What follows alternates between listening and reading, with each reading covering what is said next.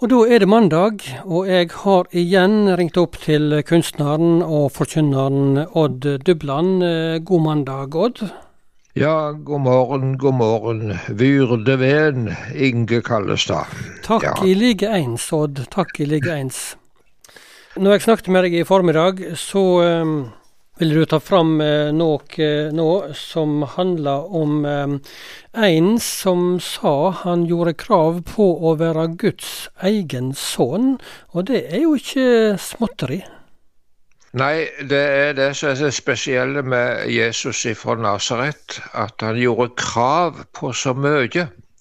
Hvem han er, altså. Han sier det en gang at 'jeg er veien, sannheten og livet. Ingen kommer til Faderen uten gjennom meg. Altså, vil du gå inn til Gud, så må du gjennom Kristus Jesus. Han sier det òg at 'jeg er verdens lys'. Altså, han gjør krav på så veldig mye, og han gjør krav på å være Guds egen sønn. Og på den tid, blant uh, jødene, så var det mange som ble, veld, ble veldige motstandere av Jesus, nettopp pga. det som han gjorde krav på. Hvordan, eh, hvordan reagerte folk? Jo, altså, eh, de mente dette var en vanvittig tale og bespottelig imot Gud. Og en gang så ville jødene steine Jesus. Og da spør han de eh, hvorfor vil du steine meg, er det, hvorfor et, en gjerning er det jeg har gjort så det vil steine meg for? For Jesus gjorde mange gode gjerninger. Hvorfor en gjerning er det det vil steine meg for? Og da sier de slik, nei, det er ikke noen gjerning som du har gjort, men at du som er et menneske, gjør deg til Guds sønn. Ja, nettopp. Mm. Det var det som var saken. Og nå er det slik at uh, innen psykiatrien så vet vi det at det finnes folk som kan lide av en sykdom som blir kalt for megalomoni. Ja, nå sa jeg visst feil. Megalomania, altså en slags stormannsgalskap. Og det er nok de kanskje på Jesu tid som mente da det at Jesus han var en slik som uh, lei av det. Kan en forstå at folk kunne tenke det? For det var jo spesielt ja, at han sa, kom med den talen. Jo, men de sa det rett ut. Han er besatt og gal, sa de. Ja. Det, det, sa de. Det står skrevet i Bibelen. Men det som var så spesielt med Jesus òg, at hvis det hadde vært bare ord, og noen hadde sagt slik, så var det ingen som hadde brutt seg. Han hadde forsvunnet i historien som en som ingen visste om. Men, men det var ikke bare ord med Jesus, altså? Nei, det var det som begynte å bli så uforklarlig, fordi at han gjorde så mange tegn. Eh, det var først og fremst sykdom han gikk til angrep på. Det var blinde som fikk synet, døve som fikk hørsel, spedalske som ble rensa. Og under Jesu velsignende hender så var det 5000 mann i øyemarka som fikk mat av fem brød og to småfisker. Og det var 5000 vitner på det. Og nå er det slik at ingen kan gå på vann, men Jesus gjorde det. Det er ingen som kan true storm og uvær, men Jesus han sa det til stormen, ti og vær still. Altså, Jesus han gjør det som bare Gud i himmelen kan. Og i tre tilfeller vet vi om at Jesus vekte opp døde.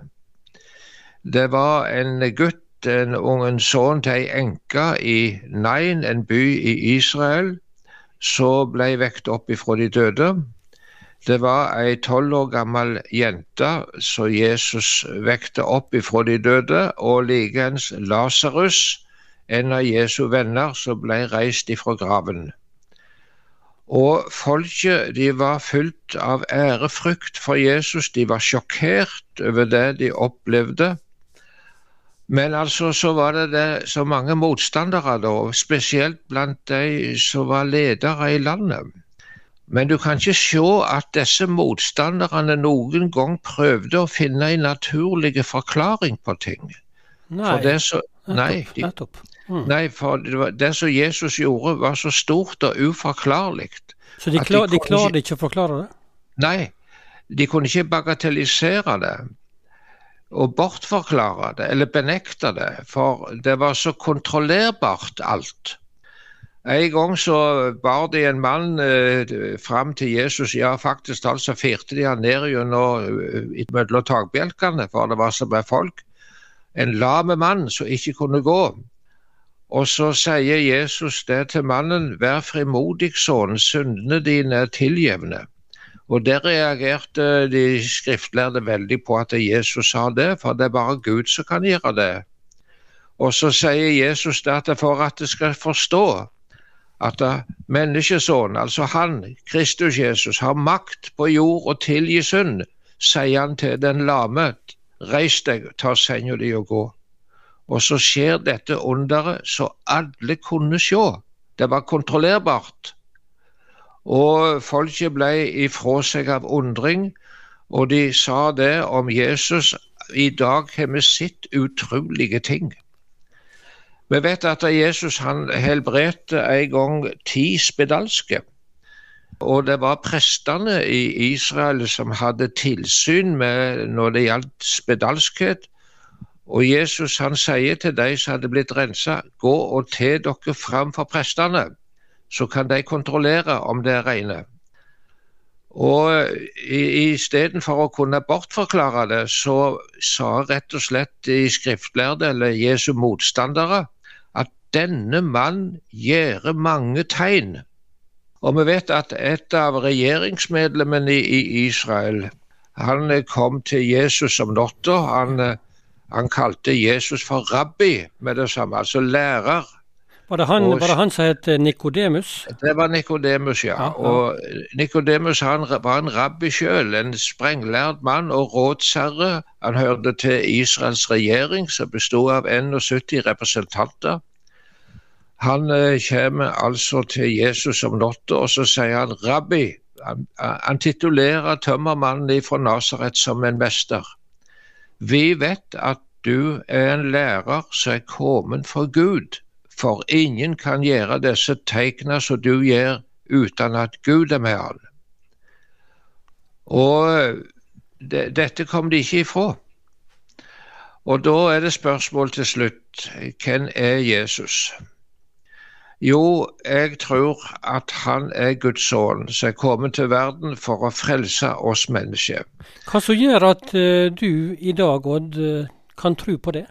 Ja, det er, ikke med lo, det er ikke med logikk, altså. Men det er det jeg ser at Jesus han er den som kan tilgi synd. Og det er det bare Jesus som kan.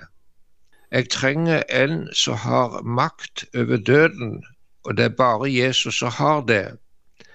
Og jeg trenger et håp når dette livet er slutt, og det er bare Jesus som kan gi det. Og jeg tror at han er Guds sønn, den levende Guds sønn, som er død for våre synder og stått opp ifra de døde. Og han er den som alle mennesker en gang skal møte. Jeg tror det at det er nok mange som, hvis de forsto noenlunde det som jeg sa her i dag, så vil kanskje si som så, ja, jeg vil vri meg unna dette spørsmålet, hva jeg skal gjøre med Jesus. Men en kommer ikke utenom han.